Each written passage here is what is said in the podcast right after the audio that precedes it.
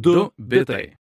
Laida Dubitai remia elektroninės komercijos marketingo automatizavimo platformą kuriantis Lietuvos startuolis Omnisend. Prisijung prie komandos omnisend.com.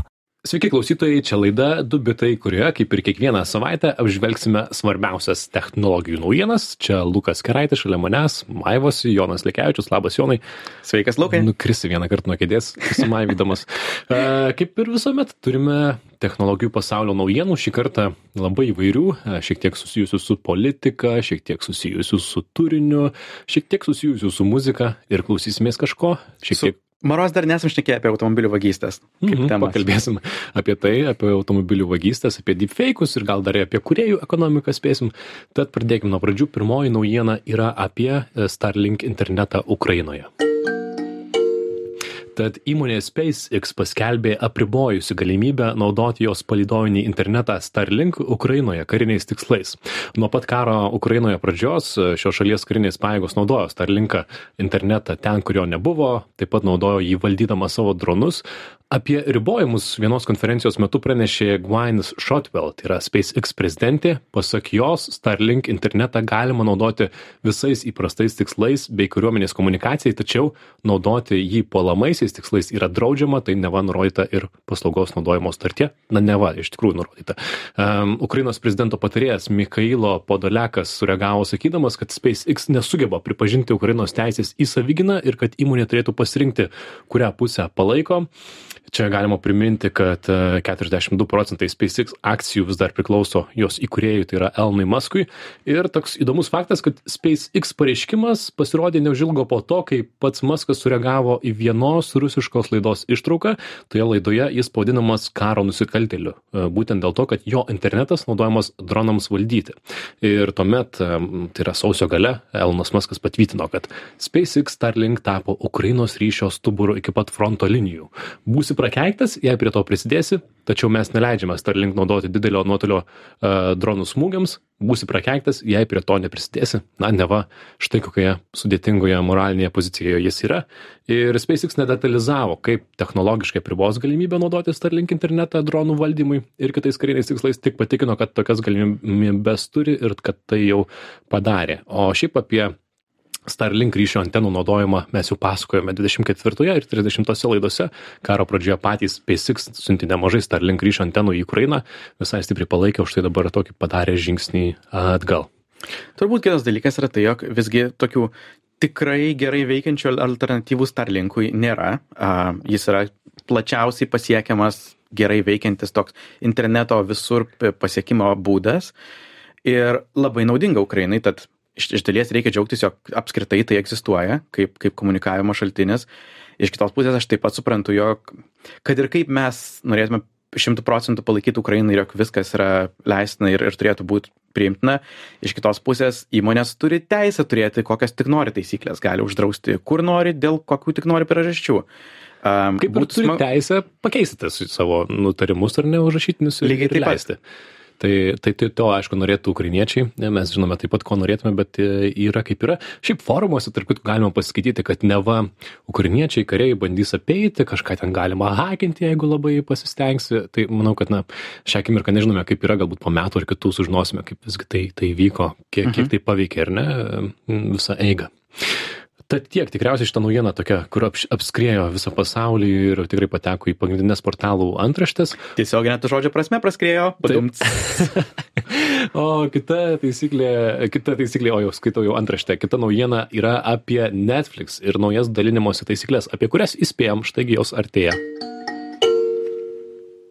Jonai?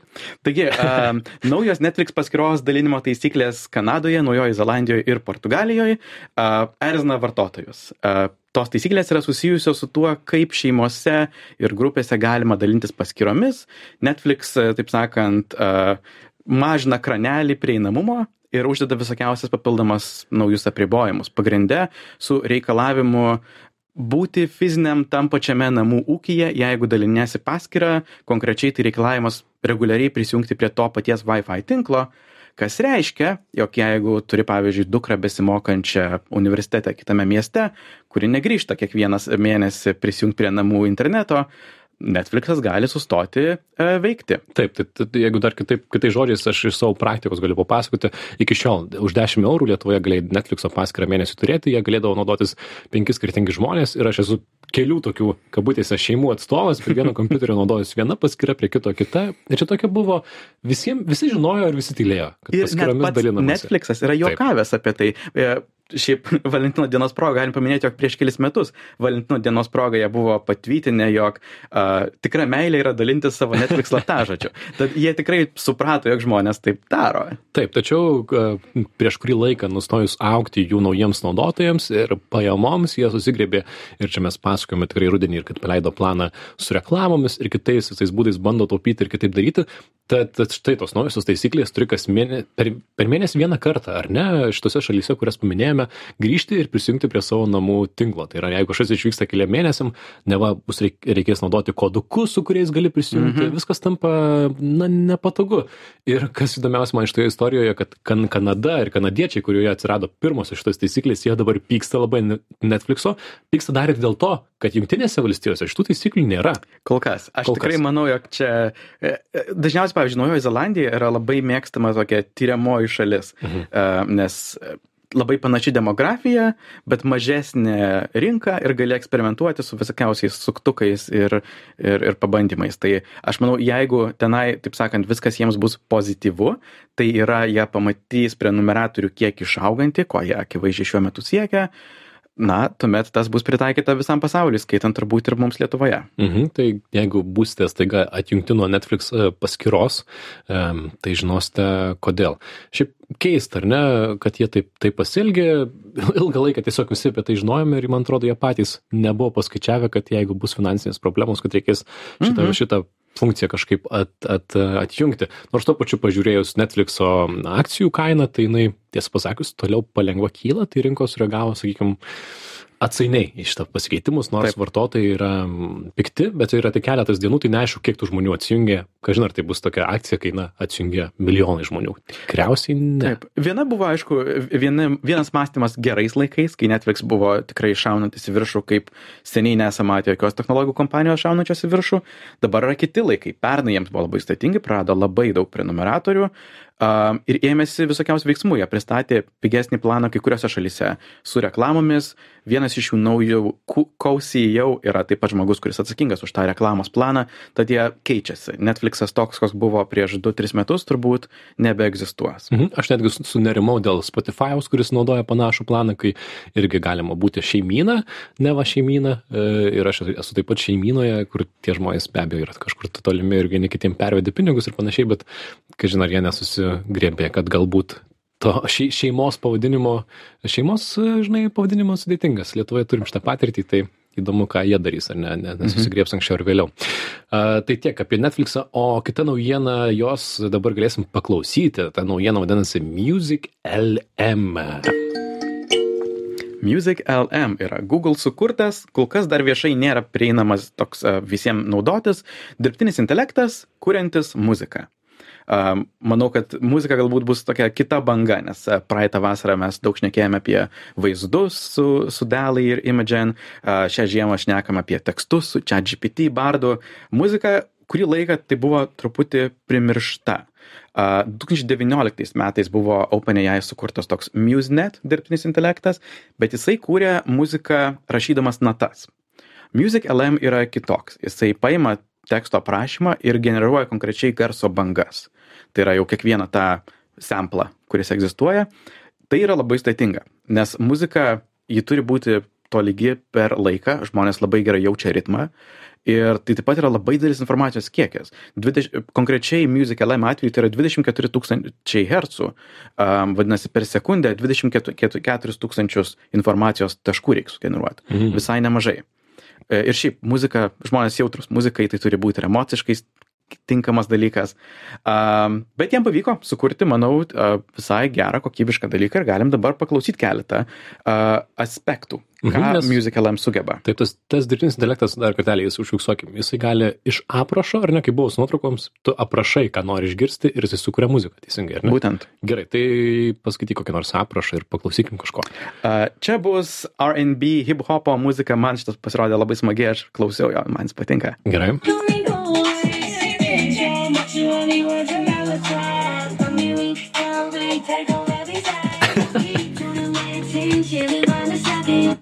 Tai čia turbūt reikia pabrėžti, yra vokalas.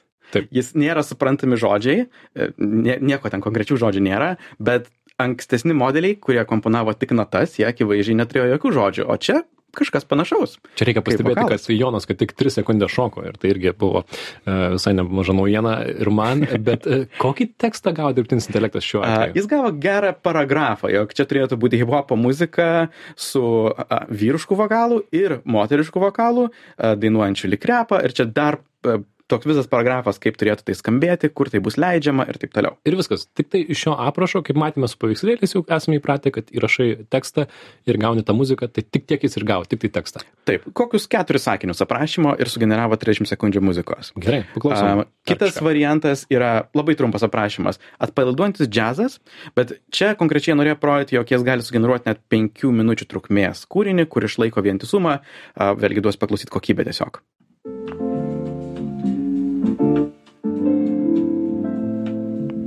Aš sakyčiau, kokybė pilnai tinkama tokiam, kur skambini telefonu ir laukia, kol tau pakels. Arba liftui, kai kyli, ar ne? Taip. Dar, dar šiek tiek pare- parelaksuokim, dar šiek tiek. Ne? Dar šiek tiek?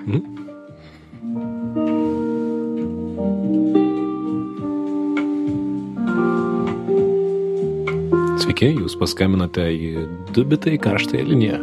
Po signalo galite palikti savo, savo žinutę. Puiku, tai dirbtinio intelekto kuriama muzika, ar ne? Uh, Keltas dar dalykų paminėta apie šį dirbtinį intelektą. Mane nustebino, jog jis ištreniruotas tik, tik ant 5000 pavyzdžių. Tai ne Ką? Visas internetas, ne visa pasaulio muzika, vos 5000 aprašytų kūrinių ir jisai jau žino, kaip kurti viską. Uh, taip pat jisai neveikia, kaip mūsų 59 laidoje aptartas Refusion, kuris generuoja spektrogramas. Jisai uh, turi dviejų tipų informacijos žetonus. Semantinius žetonus, tai toks dalykas kaip melodija ir ritmas, ir akustinius žetonus, tai yra įrašo sąlygos ir motyvai. Kas leidžia konvertuoti tarp stilių. Gali paniuniuoti odę džiaugsmui, paleisiu kokį, kaip jie paniuniavo odę džiaugsmui.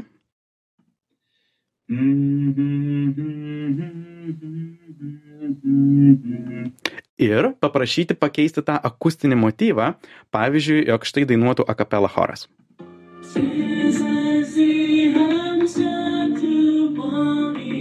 Arba Wow, gerai. džiazo mikro, saksofonas.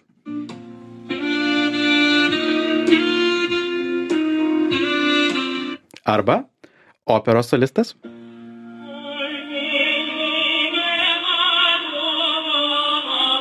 Arba uh, genčių būgnai ir fleita.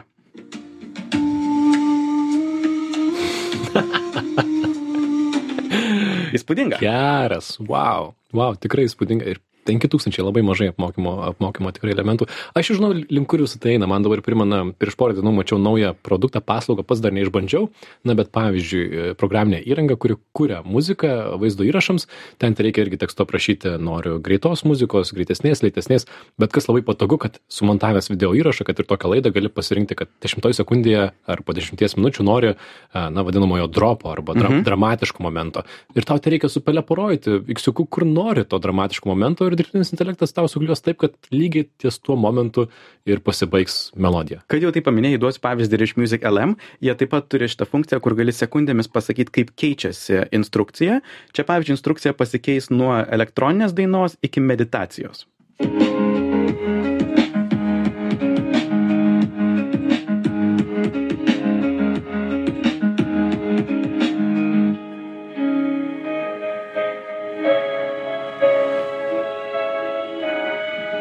Mhm. nors garso kokybė šituo atveju tokia na jie manau ir klausytojai išgirs kad nėra labai labai gera ar ne? Dar dar nėra tikrai studijos įrašas. Taip bet dar kartelį reikia primint kad music lm tai yra toksai na kaip tyrimo popierius ar ne? Mes be abejo įdėsime dubitai taškas kom pasvirasis brūkšnys šešiasdešim septyni visos nuorodos bus galėsite patys išbandyti. Tai yra tiktai realiai projekto mokslinio darbo aprašas tai ką Mhm. mes jums leidžiame bet kas iš to gims tai kiek pusę metų ir pamatysim ar ne? Geras puiku ačiū jonai kad papasakojai A, žinių radijo klausytojam priminsime kad girdite laidą du bitai. Čia al- kalbame svarbiausias technologijų naujienas klausėmės music lm tai yra google kurto e, tyrimo tyrimo dokumento o dabar kas toliau? A gerai apie automobilius pakalbėkim ar ne? Visai šviežia naujiena kurią aprašinėdamas juokiausi tai apie hyundai ir kia. Jeigu vairuojate šiuo metu automobilį kia arba hyundai kuris yra pagamintas tarp du tūkstančiai penkioliktų ir devynioliktų metų tai turėtumėte klausytis tikrai įdėmiai. Tai minėti automobiliai Kia, Hyundai, 15-19 metai. E, Jų gamintojai abu priklauso vienai Hyundai Motor Group. E, Jie siūlo nemokamą prieš vagystes nutaikytą programinės įrangos atnaujinimą, kurį tikrai vertėtų pasidaryti. Kodėl? E, Kadangi pastaruoju metu išpopuliarėjo naujas TikTok iššūkis, TikTok iššūkiai čia atskira tema, ar ne? Wow. Man atrodo, pasaulis baigsis su TikTok iššūkiu. Bus ne, Paspausk raudoną mygtuką, bus bus ne, iššūkis. ne keturi raiteliai, bet keturi TikToko iššūkiai, kurie sunaikins pasaulį.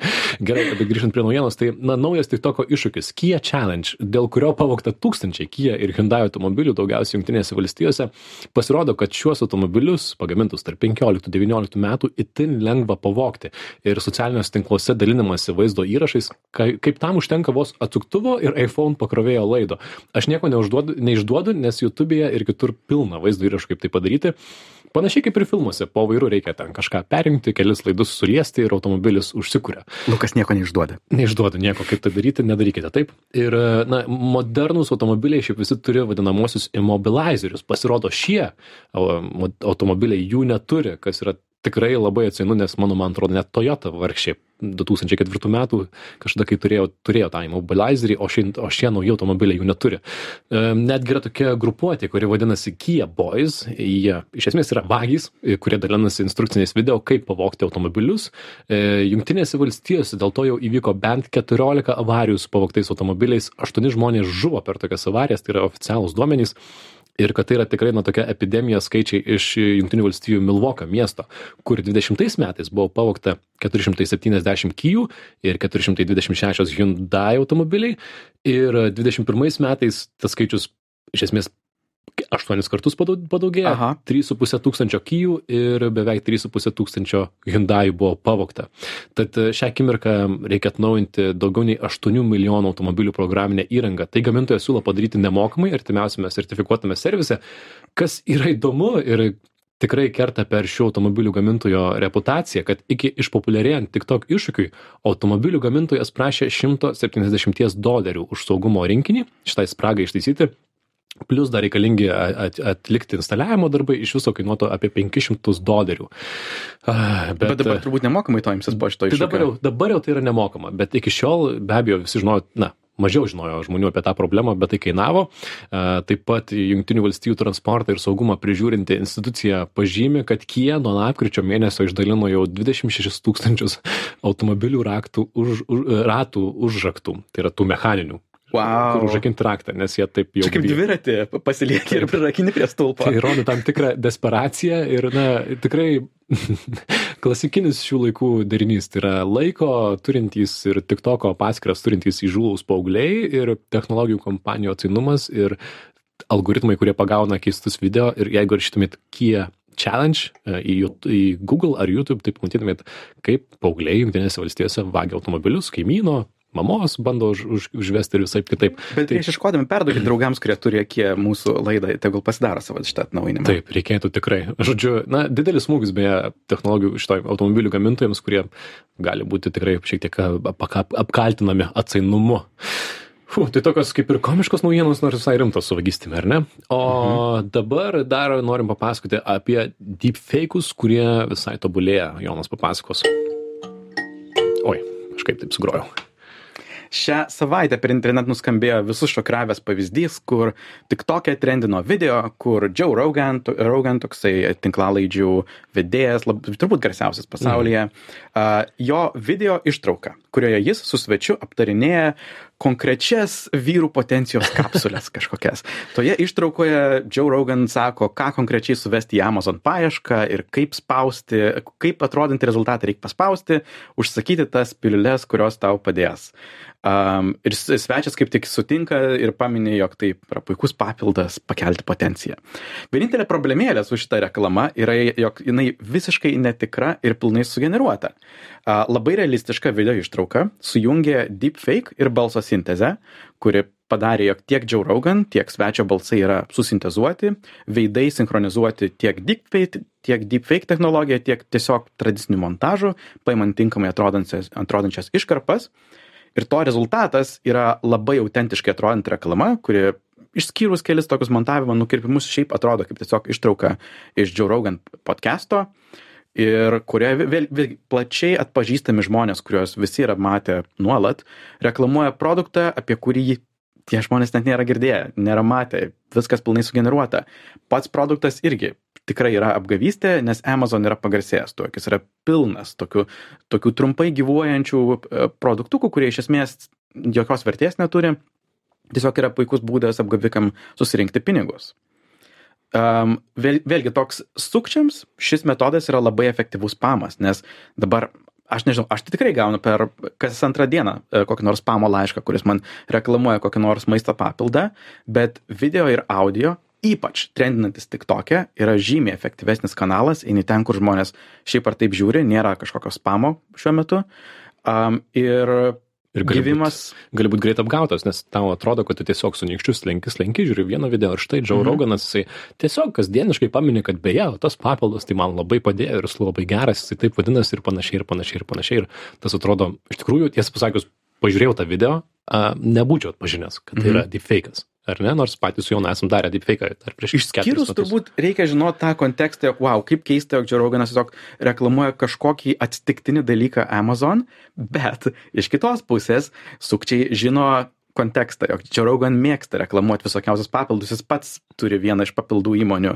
Tad e, tinkamai parinkta auditorija, labai įtikinamai sukurta apgavystė ir kaip pakomentavo tokias interneto apgavystės tyriantis Kofizila, deepfake apgavystės jau čia ir mes joms nepasiruošę. Mhm. Argi nėra keista, tiesą pasakius, Jonai, kad šią akimirką dar tiek mažai deepfake apgavyščių, ar ne? Aš galvojau prieš pusę metų, kai mes kalbėjom, aš nežinau, ar vis, mes vis dar esame tos lenkščio, nes visos technologijos jau yra ir man atrodo, kad tų apgavyščių tikrai tik daugės. Dabar visi, visi tie dalykai sueina į vieną. Yra mhm. dirbtinis intelektas, kuris kuria video, kuris kuria paveikslėlius, yra visos tos technologijos. Ir įdomu, kaip mes gyvensim po, po pusės metų.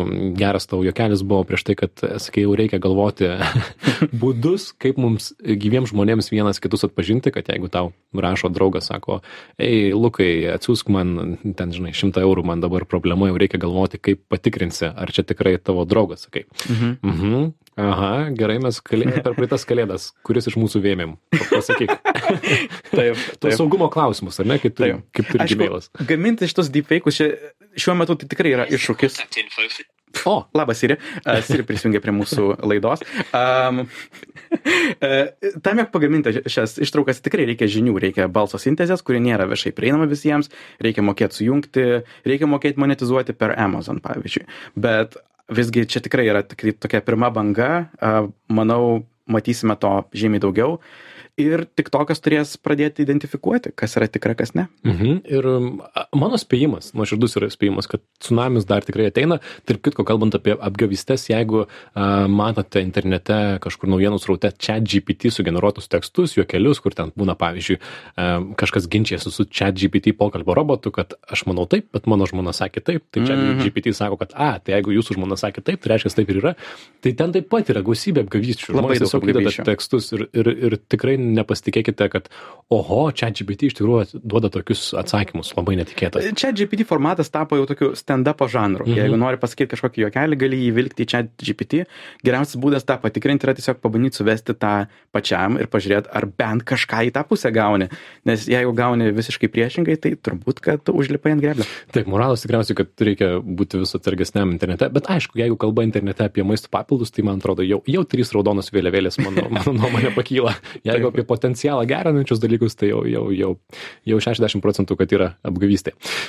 Bet šiandien čia ir sustokime, girdėjote laidą pavadinimu Dubitai, visus nuorodas, visus epizode minėtus šaltinius rasite interneto svetainėje dubitai.com. Mūsų galima klausytis kaip tinklalaidą, kur jums tik patogu, technologijų naujienos Facebook'e. Įdėsime nuorodą su deepfake, apie kurį kalbėjome, o žinių radijas.lt yra visi laidos įrašai. Čia buvo Lukas Keraitis ir Jonas Lekevičius. Sakom, iki kitos savaitės. Iki. iki. Du bitai.